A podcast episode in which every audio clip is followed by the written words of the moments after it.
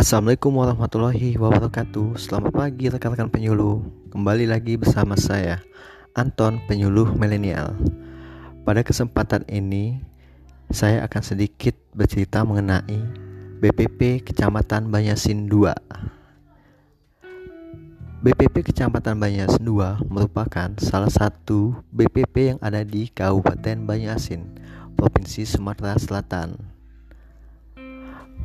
Meskipun sampai detik ini BPP Banyasin 2 belum memiliki kantor, akan tetapi penyuluh pertanian yang ada di BPP Banyasin 2 selalu aktif dalam melakukan kegiatan penyuluhan.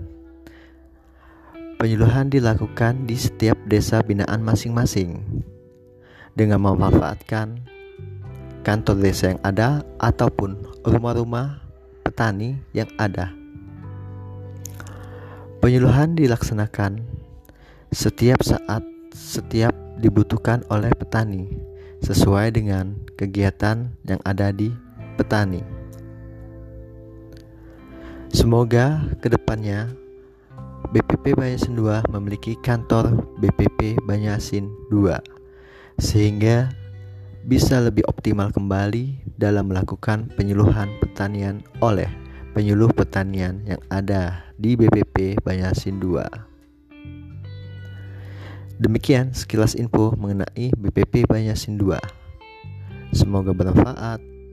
Next episode kita akan bahas lebih detail kembali. Terima kasih. Wassalamualaikum warahmatullahi wabarakatuh.